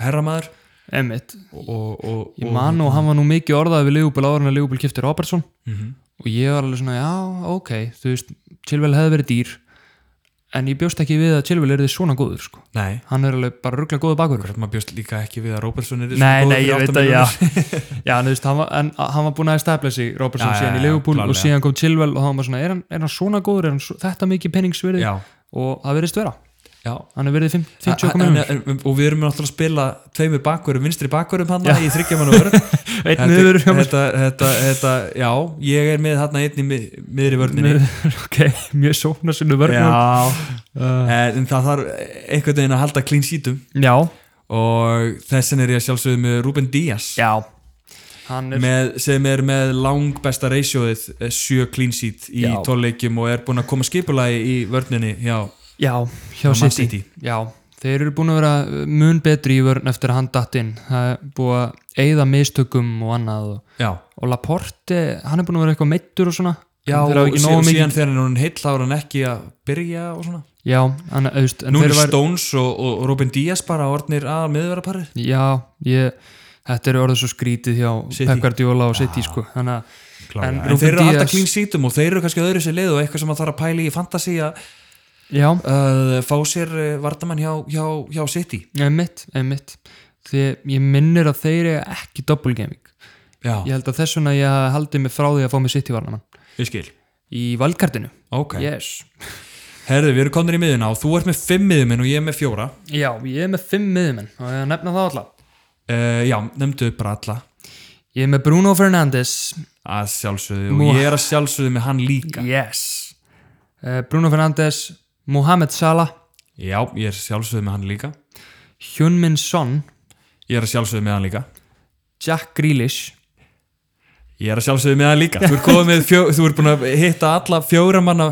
sko, miðunni hjá mér, það Mhm. eru þessi fjórir Já búin, allir búin að reyga geðvegt tímabil Já, og Mó Sala bú, bara lúmskur að hann sé bara markastur í deildinni já, einmitt hann heldur að hún að bara, skora Ég veit það, hann er bara ótrúlegur þessi maður og Bruno Fernandes ekkert Geggjaður. smá góður Geggjaður Og síðasti miðumæri minn sem þú ert ekki með þá já. Vilfred Saha Það er svolítið Vilfred líka Saha já. það er svolítið sko það er svolítið svona fantasílega sér líka en út af því, þú veist, Crystal Palace getur ekkert án Vilfred Saha já, það er rétt þótti gátur hendur ekkert á móti Leopold þá er hann eini ljósi punkturinn í þessu lið já, já, og nákvæmlega hann er samt hann á fantasístigum í þessu lélega liði Crystal Palace já. það verður bara að segjast það verður að segja þessu er og Yes. það, er, það er gott val sko en ég gat ekki sett Saha í liðið Nei. uh, með þrjá Það- strækara já, einmitt, ég, mig gruna að ég hefði getað gert það líka, sett þrjá strækjara þegar ég held ég hefði getað bætt við strækjaran einn sem myndi vera þá já, örgulega svipagúður og saha já. Uh, Þú ert með þrjá strækjara, ég er með þrjá strækara ég er með tvo. já. Á ég að nefna mína tvo eða vilt þú nefna þína þrjá? ég skal nefna mína þrjá Hvað áttu með það? það er Harry Kane að sjálfsögðu fremstur Ég er með hann líka. já, þú ert með hann líka ég er með Dominic Calvert-Lewin Ég er líka, þú ert góð með liðið mitt. já, ok og svo er ég með Bamford Já, ég var einmitt að hugsa og hefði sett Bamford í staðan fyrir Saha. Þeir eru, já, þeir eru búin báða búin að vera mjög góður. já, Þannig að, Þetta er lið tíðanbilsins hjá okkur já, ég var að nefna ok, mittlið og þittlið eldsnögt bara yfir. Já, hvað er með þitt? Mitt er þá Pope, Zuma, Chilwell, Robertson, Bruno, Sala, Son, Grealish, Saha, Calvert-Lewin og Harry Kane. Og mitt er Martínez í markinu, Díaz, Chilwell, Robertson í vördinni, Sala, Bruno, Grílis, Son á miðinni, Calvert-Lewin, Kane, Bamford. Þetta er rosalegt sko Þetta eru svakalega lið og og ef þið eru ósámála, ósámála okkur, endilega hérna, segi hverju, hverju við glimtum já, á Instagram. endilega endilega, En þá er komið að stæstu velunum, það er leikmaður tíðanbilsins hinga til. yes Það það er eru- svoleiðis það eru fjóra tilvinningar. fjóra tilhengar, einmitt Það er Bruno Fernandes, mm það er Harry Kane, yes, Það er Mo Salah og Hugh Minson þetta eru rosaleg nöfn og leikmaða tímabilsins í fantasy Já Eru við með sama? það gæti verið Gæti verið e, e, e, Ef við séum saman tíma og sjá hvort að Já. það séu sama Ok, Ok. leikmaður ásins er Þrýr, tveir, einn Bruno Fernandes Já, já, já, við erum við sama, Hey. high five Þetta var vel gert Við erum með báðum með Bruno Fernandes sem leikmann tímabilsins Já, þráttur að við séum báðu leigubólmenn og Harry Kane var lengi vel þarna í, mm jafnvel með topsætið Mhm. En og svo- orðin, orðin svona playmaker líka og, Já. og ótrúleg hérna ótrúlegur uh, já, bara þvílíkur leikmaður sem hann er í dag Já, mér finnst bara einu sem held mér frá því að, að mér finnst hann svo ekki nógu sínilegur, hann álega leikið það sem hann er Já. droppa tilbaka og hann er ekki bara í dundrandi sjón, það er bara út af því að hvernig tóttuna spilar Mhm. Son er líka þannig að hann bara hentar þessu leikkerfi og þannig Já, og það er ekki eins gaman að horfa á þá tvo spila eins og það er gaman að horfa á Bruno Fernandes. Já, Úff. geggjað leikmaður Já. hann getur allt hann er geggjaður og bara, og þú veist, þegar maður sér til dæmis leikinn þegar þú voru að tapa móti hvað var að vestam í hálfleik Já, og hann var bekkjaður þá, svo kemur hann bara inn á og redda leiknum redda leiknum sama á móti sáðantón, redda leiknum og hann er bara svona, þeir get ekki spilað á þess að vera með Bruno hana og hann getur sendt sko með, með hérna, engum fyrirvara Já. þannig að þegar að hann er að tegja sig í boltan og ná perfekt sendingu á Rashford Já, einmitt nú er Rashford orðin aftur heitur Já, einmitt, eftir orðin option í aftur á Fantasy. nafnsinu í Fantasy og, og já, Bruno er bara geðugur leikmaður og þótt að Sala er náttúrulega búin að vera góður markaðistur þá er bara, Bruno er svo ótrúlega sínilegur á vellinum, finnst mér Já, já, klálega hann er bara svona gaman að horfa á hann spila Já, og, s- já, og hann átta svo sannlega skilið heldur betur og þetta vo- var veluna aðfettingin hjá okkur heldur tíðabilið sem betur hinga til og það eru áramót við erum að fara á gestandri já, það er Max Hopkins held, heldur betur þetta er, þetta er langur þáttur í okkur en það er Já, allt í lagi við það er hérna- bara flott, ég minna það er áramót, Áramót, maður. og, og ég er búin að sjá það að, að, að hérna, fólk er ekki duglegt í podcastunum nei, að taka mitt- upp podcast nei, ég sé það, ég er búin að vera ókvæslega pyrraður síðustu dagar en að finna podcast til að ég veit það, ég er bara búinn með allt ég er búinn að hlusta á áramótakæfina hjá fótbolta.net og öllu hlusta. og, já, mitt og, og hérna, og öll möguleg podcast já, þannig að þið fáið hérna gott podcast í undirbúningnum mitt, á morgun sko uh, hérna áramótunum Já, og, og já. Eh, nýjárjafel í þingunni, Einmitt. nýjars þingunni þá geti farið yfir farið, farna slóður og hann að já, við bara þá förum að fá Max í stúdíóið í viðtalið já, við ætlum bara að bjóða Max Hopkins velkomin Uh, welcome to the show, Max. Thank you very much, Adno. Merry Christmas and Happy New Year. And to you and your family. Oh, thank you, thank you very much. I think you need to speak. a Is bit that more. better? Yes. Yes. Okay, There great. you Let's are. do Yes. that. Uh, got any good Christmas present this year? No, I got almost nothing actually. Oh, okay. Poor me, poor me. For you. Poor Max. But you got loads of FPL points. Yeah, well, I'll take that's better than Yes. presents. any day, any day. You, you're a fantasy veteran. Of Uh, sorts. of poss- possibly, Possibly. yeah. I mean, your highest overall overall rank, It's thirty-four thousand. thirty-four Yes, thousand. that's really good That's like a hundred thousand, like above us. I Yeah. think mine is. Yeah, well, mine was 100 yeah. Yours yours is hundred seventy four thousand, I think, Yeah. and mine is hundred and ten thousand, I think. Yes, Yes. hundred and ten. Okay, well, mine was a couple years ago, so you, I'm pretty sure you guys finished above me last year because that was a bit of a disaster. So Right. Yeah, I had a And good we'll- season last season. That Oh, was yeah, my you that smashed was it. my That- that was the best one 110. yet. Yeah, Yeah. yeah, And then this one has obviously been really weird, and we'll Yeah. discuss Yeah. that maybe a bit later on. yeah. I wanted to start talking, uh, started started off by talking about how we met, the three of Okay. us. Yes, okay, the three of us worked together at Sixth Carnival, yes. and I remember our first introduction. Uh, I said hi, my name is Arnur, and you said hi, my name is Max Hopkins, and I replied by saying, "Haha, Max Anthony Hopkins, maybe." and what did I say? And you you were shocked and you said, How did you know? and I said, Your name's really Max Anthony Hopkins. I was just talking about the actor. And you were like, What actor? yeah, this is before I'd seen any films. so- yes. so Ah. the first thing I knew that I knew about you that you knew nothing about films yeah. Mm. or actors or Spend Mm-hmm. more anybody. time watching football than watching films. so- Uh, yeah, exactly. So That's just good. That's good. That's more fun. yes, and you. Uh, so and then Andre joined us at Yes. sixth. Started working there. Yeah, a Yes. couple of months later or something. Yes. Joined us in our uh, Kellogg's Cornflakes Club. Yes. The uh, yeah, with the with the unfortunate initials. Yes. I won't repeat them. No. No.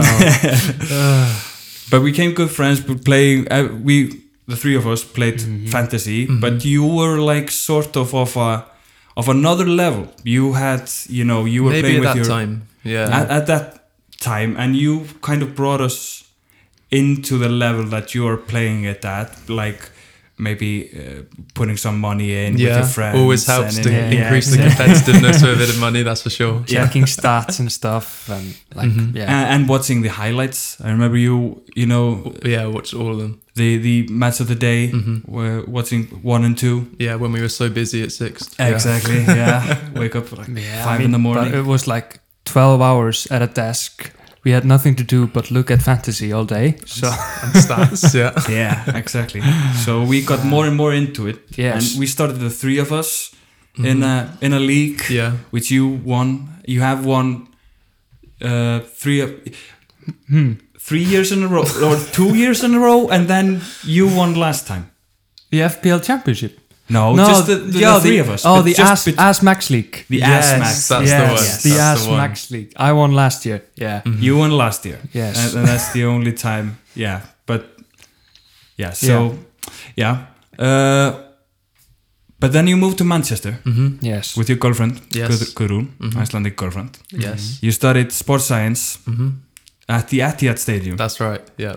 wow That's pretty cool. and we've stayed at your place quite a few Yeah, times. many times. Yes. Uh, had some good times there. It's really nice to have a friend who lives in Manchester when you support Liverpool. It's really Yeah. just Not really far. No, it's No. not As long not as you so- put your Liverpool shirt on when you leave Manchester, not before. yeah exactly. just We've have done a it jacket once, on though. Yeah. We, yeah we did it once. It was we will never do it again. No, no. We it was when we were going to uh, Liverpool, Manchester, Man City, uh, Yeah. the four three game. Yeah, Anfield. Yeah, yeah. Yeah, okay. And we just yeah, we went in our Liverpool shirts to the training station In while Manchester. Mm-hmm. while other Manchester City fans were going to Liverpool in Man City shirts. Yeah, It's we pretty got scary. some looks. Yeah. Yeah. And after the Liverpool game, we went, I think, downtown, and they didn't want to let us in to clubs in wearing a Liverpool shirt. Yeah, okay, yeah. 'cause It might be trouble. Ah, good, Good times. times. yeah. But then, and then eventually we met with your English friends who also Mm-hmm. played fantasy. Yep. And we are now in a in a WhatsApp group and a fantasy league Yeah, group. group. Mm-hmm. Yes. Um, It's quite a And- competitive league. Some pretty good players in that. Yeah. yes, Ah, Yeah. definitely. The And, official and some FPL and some of them championship. have podcasts as well. Yeah, Yeah. yeah, Their own. yeah. There is not another FPL podcast. Yeah. two of my Yes. good friends doing that one. So Yes. give that one a listen. Yeah, shout out. Yeah, definitely. Not another FPL podcast. yes. And uh, we were just discussing before how you pushed us to do this podcast in Iceland. Mm-hmm. Mm-hmm. You were you were pushing us while we were working to get together that uh, to to put this kind of culture into Yeah, d- just Into when you Iceland. said that there wasn't one in Iceland, I was really surprised because Yeah. I know Yeah. that so many Icelandic guys well, and girls like love football, and so many of them play fantasy. Mm-hmm. Mm-hmm. And so I just was really surprised that even though obviously it's a small country, there's still like a huge market for this. Yeah. Yeah, so yeah. I think thought it was a great idea when you guys actually like went ahead and did it. exactly finally. Finally, Uh, we yeah. were like we were like You were going to do Two it before years- last Uh, season. yeah Yeah. But that got delayed. But, we, but then COVID happened, and we thought, why not now? Like Yeah. we have nothing else to do. Yeah.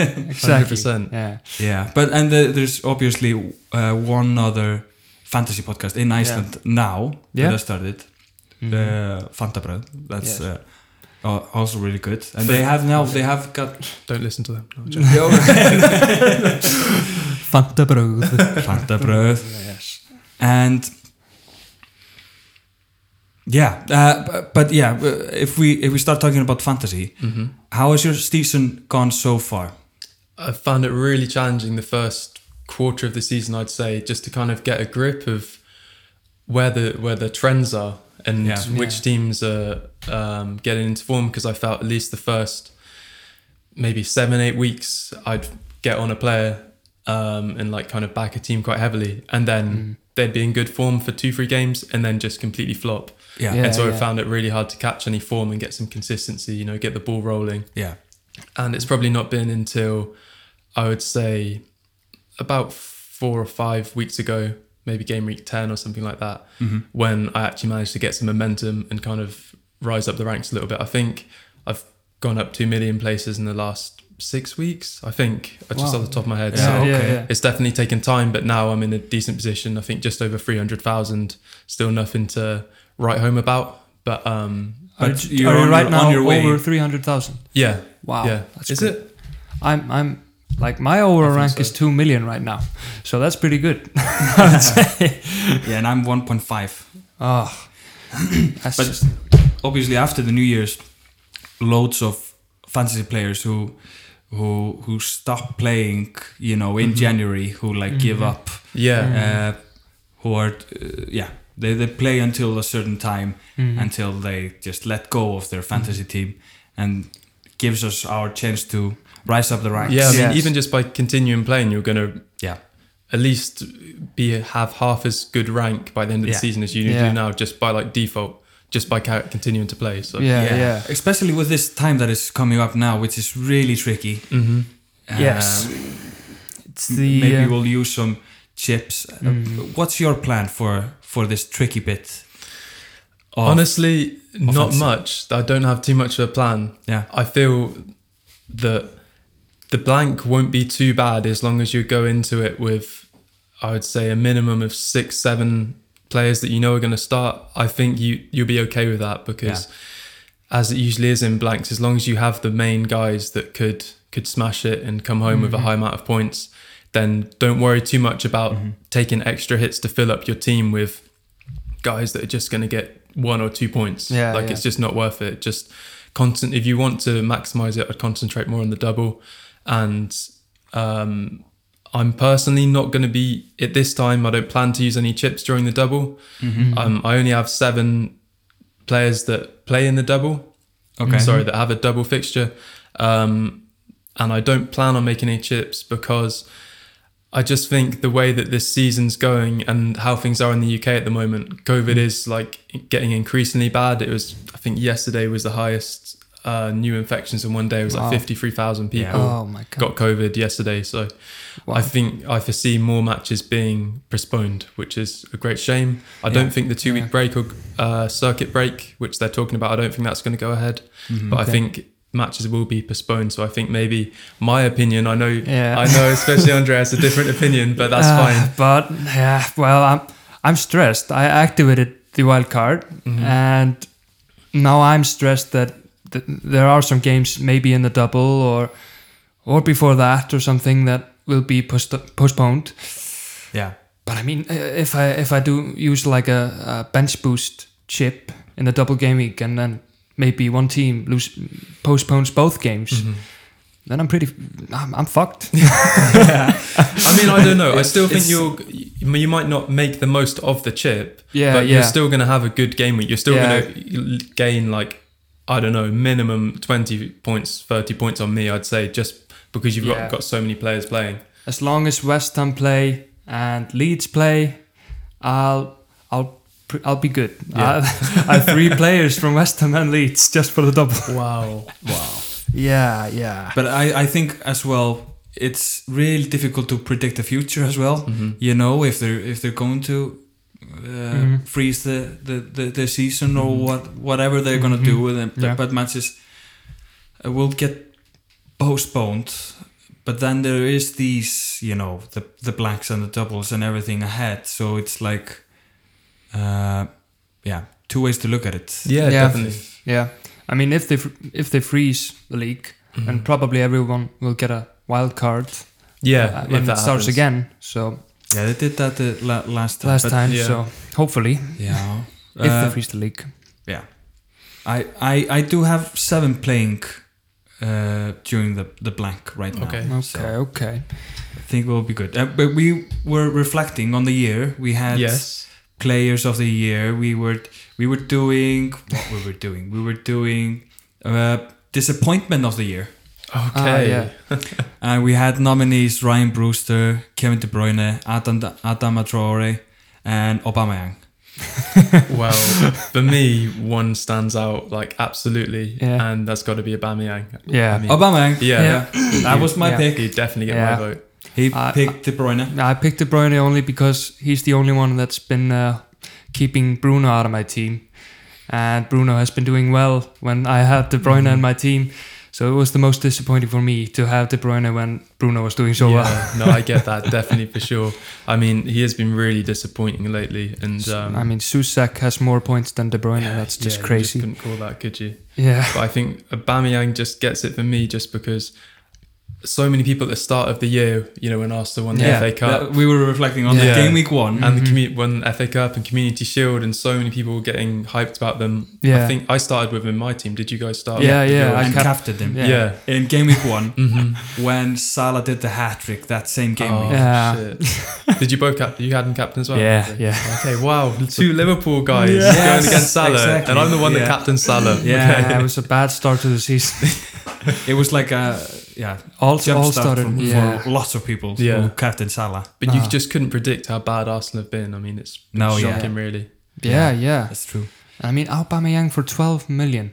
More, Yeah. he was more expensive than De Bruyne, who was the top scoring midfielder in last season. Yeah, it's when really you put it it's like kind of that. ridiculous when you think about it. Like Yeah. when you're looking back, that he was the the highest priced player in the game along with Salah. Yeah, It is. Yeah, I think and that De Bruyne- switch wasn't it because he was a forward last year, and then Yeah, moving to exactly. midfield, they kind of overestimated how much value he was Yeah. going to bring. Yeah, being on yeah. penalties as well, of course, and True. he yeah, must it's- be like 9 million next season Yeah. yeah, playing midfield. And we did the uh, most di- disappointing team Yeah. so far, and there were we nominated Arsenal, Sheffield, and Man City. yeah. I would probably yeah. Even the obvious one is Arsenal because they just sh- as a team and a club like Mm-hmm. Yeah. Arsenal they should never be down there. But I think from a fancy point of view, I would actually lean towards Man City. Yeah. That's yeah. what They- I voted yeah. for as well. They've had good moments, yeah, but yeah. just we're I still see these guys as joint, if not the most attacking team in the Yeah. league, like Yeah. they have been for the last three years. And you can always rely on usually having a Sterling or De Bruyne Yeah. captain the good fixture, Yeah, and exactly. it just hasn't come to fruition. They're That's- like that's- wi- and also not winning big. They're like winning Yeah. 1 0. yeah. And Exactly. Yeah. They, they fixed their defense with Ruben Diaz. He's got seven clean, clean sheets in 12 matches, Wow. yeah. which is the best ratio of anyone in the league. And and that that was kind of the reason why Kevin De Bruyne was not like the the most disappointing uh, player for me. Mm-hmm. Yeah, Because yeah. he's been the only one who's doing trying to do something and trying to Yeah. make something for the team. And I the mean, other players are not using their chances that he gives them on a silver platter. No, Yeah. exactly. Exactly. I mean, uh, De Bruyne has been good. Um, he, he's not Uh, Played a- well, yeah, Yeah, just- he's played, Played well. well, Yeah, it's yeah, just but he's not- not gotten the fantasy points that he Yeah. No, No, deserves. I still really. think he hasn't Yeah. scored from open play yet this season. If Wow. I'm, I think Yeah. I'm yeah, right that in might be saying correct. But he, yeah, And he's, he's got seven assists and three goals, I think. Yeah, Yeah. something like that. wow, and missed a penalty against what was it? Liverpool, I think. Yeah, he missed a penalty against Liverpool. Oh, right. Yeah, I forgot about that. forgotten about that. And we had the, the surprise of the season so far, Mm-hmm. and we nom- nominated Suchek, Banford, and Calvert Lewin. yes, For me, it has to be Bamford. Yeah, Yeah. Because we both picked him. as a Chelsea fan, Yeah. like I've watched this guy like kind of through the ranks a little bit in anticipation. Like he he's going to be a great player. He's going to be a great player, and then it turns out he's shit, at least for a couple of years. Yeah, exactly. Yeah. And then so when he started at He- front He, for was in Leeds- the championship. yeah, yeah, Yeah. really flopped for Middlesbrough. Yeah. and I was really shocked when um, Leeds were started the season with him because I just thought he he's just not a good player, but yeah, yeah. it does it seems to i still um i mean he's definitely a better player than i thought he was but when you're a striker for leeds i think um even us guys would put a few goals away yeah, yeah, Yeah, yeah, yeah. the amount of chances they create they're such a fun exciting team to watch yeah, exactly. and I mean And- they also at the start of the season they bought Rodrigo, so people weren't sure if he was Yeah, going to start. definitely So And I haven't o- owned Banford uh, the whole of this season. really Yes, I just bought him 2 I've, game just- weeks I've- ago. I've never been I've never been able to. And for like the first 10 episodes of our podcast, Mm-hmm. we were talking about Leeds and I was particularly talking about how everybody in Leeds can score. right So you can't really pick like a one player. oh okay But it was like the same rationale as with Calvert Lewin actually that uh, like everything pointed to Benford, Mm. who Mm-hmm. is Yeah. like scoring for them. hmm Yeah, and yeah, two assists. in and the that, last that's game. what I rec- one re- goal. regret the most, not having Bamford for Mm-hmm. yeah, especially the for that season so far. price. I mean, he's Yeah. still. I think he's six point 6.5. five now. Still great value. Yeah. I'd still get him Yeah. on him now, even if you haven't. if, if I'll do a wild card this uh, uh, for next game week, he will surely be in my team. Brewster out, Bamford in. Brewster needs to get out. yeah, we we, were so disappointed with this guy. Yeah. Yeah. yeah. Okay. For the podcast, Brewster was the most disappointing. yeah, Liverpool. Fans, yeah, we, We, we, we were we were discussing the, the price tag 4.5. He just needs to get that transfer to Sheffield Yeah, to, yeah. to to be that 4.5 cheap forward. Yeah. top scorer for Liverpool in preseason, four goals. yes, exactly. He just needs that move, and then he's just absolute shit. I mean, Yeah. he's certainly not helped helping. by the team. No, Like, yeah, No. exactly. Yeah, I think they've they can score. At least this was the case a couple of weeks ago. They'd um, accumulated the least amount of points um, in the worst start Yeah. of any team in the top flight in English football ever since Yeah. like 1890. That's, that's a huge downfall from last season. Yeah. Like, play, They were close to a European, Yeah. Especially defensively, they were such a great team Mm. Yeah. to have fancy Yeah, players like with. at the start of the season, people were like, "Okay, should I have Baldock or something?" Mm-hmm. Mhm. But I, started, testing. I started with Baldock, Yeah. yeah. Yeah, So and you had a the, the double up Sheffield double up last Christmas. yeah, I had uh, Baldock and who was it? Stevens. or- Yeah, No, Lundstrom, obviously. Lundstrom and Baldock. Yeah, Mhm. Yeah. yeah, and Just Gomez when and when, Robertson. when Lundstrom got reclassified, It was a good yeah, decision. the- everything went to shambles Ah, with Sheffield. And then we had, uh, how would I translate this, Andre? ah, Just- disappeared of the year. Uh, yeah, a player who's completely disappeared. And we nominated Saliba, Marcos Alonso, Nathan Ferguson, and Matthew Ryan. Wow. Saliba was obviously the 4.5 defender for Arsenal. He had like I think oh between fifteen and twenty percent ownership at the start Wow. of the season, Yeah. and Arsenal fans were like hyping him like they had injuries in Yeah. defense and He was gonna he was gonna be the new Lundstrom. yeah Yeah, I mean, I think what did they buy him for? It was like 30 million or something Yeah. 2 summers ago. It just shows you that um, when a new manager comes in and doesn't matter if you haven't even played and they don't fancy, Yeah. you're not going to get a game. So Yeah. Exactly. He has zero zero points. he is. really disappointing. Yeah. And Marcos Alonso, Yeah. Yeah. who is now the th- he is just out of Yeah, the whole thing. probably my favorite fancy player ever. Uh, Yeah. I, I love this guy, especially Exactly. as a Chelsea fan. yeah. Yeah. Like great memories of him scoring a brace away at Leicester and the same against Spurs. But Love scoring. yeah, Yeah. love Hates scoring. defending. yeah. yeah, that is a great assessment. Yeah. and it good looks for like he's fantasy. going to be leaving now in January. Um, Yeah. Third Wow. choice left back at Chelsea.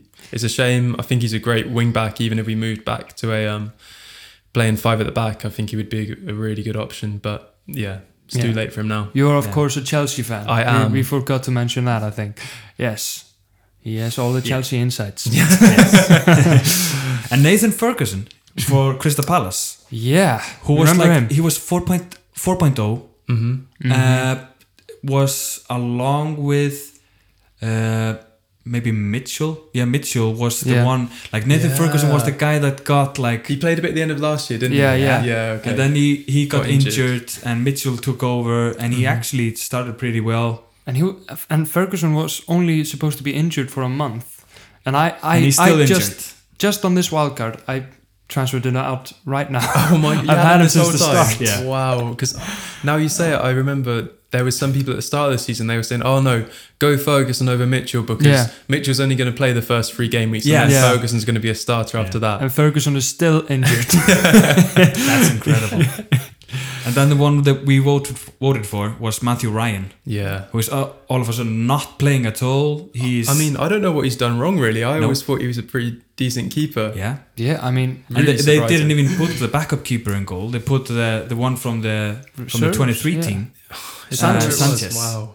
and he's like I think 4.5 million. Yeah. Yeah. I was disappointed because I thought I might be able to add a free transfer the other week that Oh, I um, yeah. for like a 4.0. yeah, and Yeah. I was got excited, but, But no. yeah, Matthew Ryan has zero points, and uh, Matthew Yeah. Ryan, yeah, zero points. yes.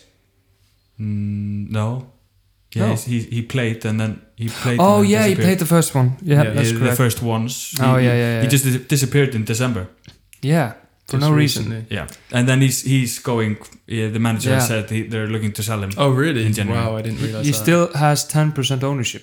Still has ten percent ownership. So and that's, they will quit then. so Yeah. many managers. Even it was the famous uh, Ryan and Button partnership, Yeah. and Button left for West Brom as well.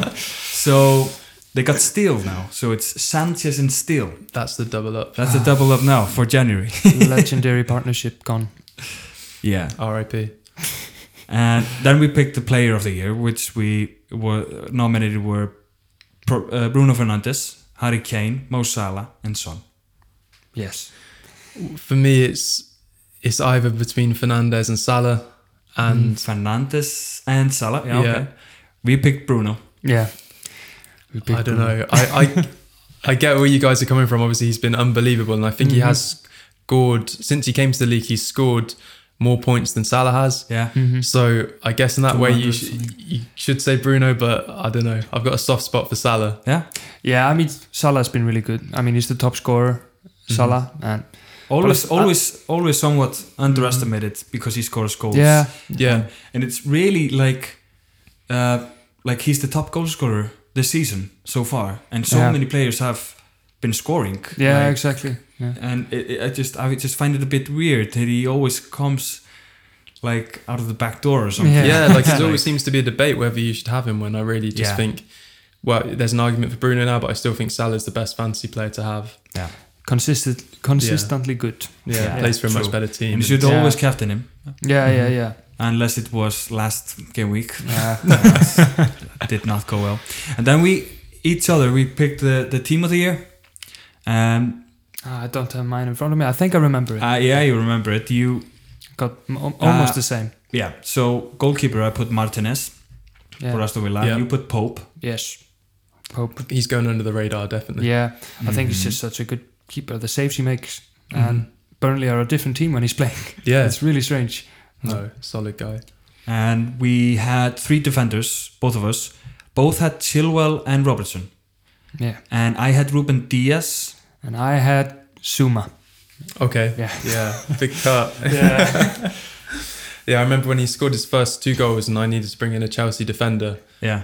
and I was kind of thinking like, oh, him and him or James, and James has still been a good pick, but I kind of thought, oh, if- how many goals is Zuma going to score? Like, surely he's just got lucky with these first two. It's not going Right, to happen again. yeah. And Yeah, Seems I, I, like I he's- don't really like to be choosing these defenders who are like scoring from corners. yeah, like, it seems pretty random. Yeah, Considering the guys Yeah. that put in multiple crosses per game, but he still keeps doing it. So yeah. fair play. And like, I've had him in December now. I just bought him for December, and he's he's many times been really close to scoring, really close. Yeah. and he he some somehow gets into these positions. He's really he's really good. yeah. At Exciting when there's a And corner. Chilwell doing Yeah. the the uh, the set pieces. Yeah. Mason Mount doing them when when Yeah. he's out. it. Mhm. Mhm. But they're really good in, in these corners. They always look a Mhm. look a threat. Yes, Chelsea. yes, Uh, then I had four uh, midfielders. You had five. yes. Put I put Salah, Bruno, Grealish, Son, And I had Ah. Saha. That same and Saha. Yeah. Yeah, I would say gone for the going under the radar pick again, Yeah. Andre. At least in Yeah. our league, and um, for me personally, Zaha is definitely under the radar. Yeah. It's a guy that I rate a lot, but Yeah, I mean, but this is like, it was a little bit because of fantasy that I had Mm-hmm. him. I, I mean, he's not in the team of the year, like, from the whole of the Premier League, Sure. just Premier League, but Fantasy-wise. fantasy wise, he's, still keeps turning up. yeah, Mm-hmm. he keeps turning up and, Trying to get that move. Trying to be before. Yeah, so yeah. will Will we he really ever get, that? it before the will end he of his ever? career? yeah, I mean, he's, he- Crystal Palace are not the same team without. It's definitely just, yeah, he always somehow returns when he's playing. Roy Hodgson is really good at keeping keeping his players. Yeah. I wonder if Suarez would have left Liverpool. if he'd stayed. like every single player would be just so unhappy, but they've kept all the players. not. Yeah, do it for Royce. Yeah, exactly. Yes. Brenton couldn't do it, so. Yeah. And then I had three up front. I had Kane, obviously, Calvert Lewin, and Bamford. yeah, I had Kane up and front. Carrot Lewin. Yeah. But I so, could have had so, so Bamford you there, had yeah. Saha instead of Bamford in the. Yeah, but I think they're pretty similar. Mm. Like, yeah, Just a Points- quick shout out to the um, Vardy. and Yeah, no, Bayern. I- Them penalties, Yes. keeps getting them. yeah, it keeps getting them. yeah, yeah. Ten penalties Leicester have had now, and the second most is five. It's ridiculous, and and they just and they just missed one last game week or this game week. That's oh Mm. yeah, Yeah. that show. Yeah, I'm not sure. Mm. who it was Iannaccio who missed it. ah, yeah, yeah, Yeah. Needed Vardy there. Yeah. Needed Vardy, he shows up, Yes. Very. and nice. he's really reliable. hmm Uh, yeah, so th- this was our like of the year and of the year stuff. so far. But uh, did, have you made any transfers for the next game week? No, not yet. I Not yet. think I'm going to be waiting pretty close to the deadline just in case we get any um, any more announcements of fixtures Yeah. being postponed. Oh, yeah, yeah. wake yeah. up New Year's. New Year's that would Day. be pretty gutting. Yeah, But- it's four o'clock on uh, New Year's Day, the deadline. Some players getting COVID from the parties. and- yes, that's true. But I had um, Charlie Taylor for Burnley, who got injured in the last game, Mhm. annoyingly, because that would have been a good clean Mm. Yeah, sheet. I, I got got him as well. Yeah. no, hamstring inj- injury. So for me, there's three options. I'm either going to go, if I want to risk it, go Alioski and double up on the Leeds defence, Mm-hmm. which I still think is shaky, but they've got a nice double. I got Holgate for him. Oh, really? Yeah, I did. Ah, Wow. Because they're playing okay. in the blank as well. So Right. Ah, I was thinking of going um holding actually with Arsenal's Oh. slight increase in form. Oh, Okay. right. Yeah, exactly. It's a They good have- shout. They've, uh, they've had uh, like uh, a glimmer of hope. Yeah. Uh, no, the the these Yeah. last two matches of the season. Yeah, m- his seat, Arteta's seat, is not as hot No. right now. Yeah. But Can you uh, hold him? The they- only other option um is just Charlie Taylor to Loughton or yeah, um or Pieters. yeah, yeah, or Okay. Pearson. I'm thinking, I'm I do thinking like that Pieters pick. Um, because I was Yeah. always going for it's just Lawton. solid. I think Yeah. long term Yeah. Burnley are just gonna Yeah. keep clean sheets. They're I, I just a think solid they're team. definitely getting better. They they started off uh, bad, but now they're getting Mhm. to back that to goal. themselves. Yeah. yeah, definitely, So, definitely. any fantasy goals for uh, 2021?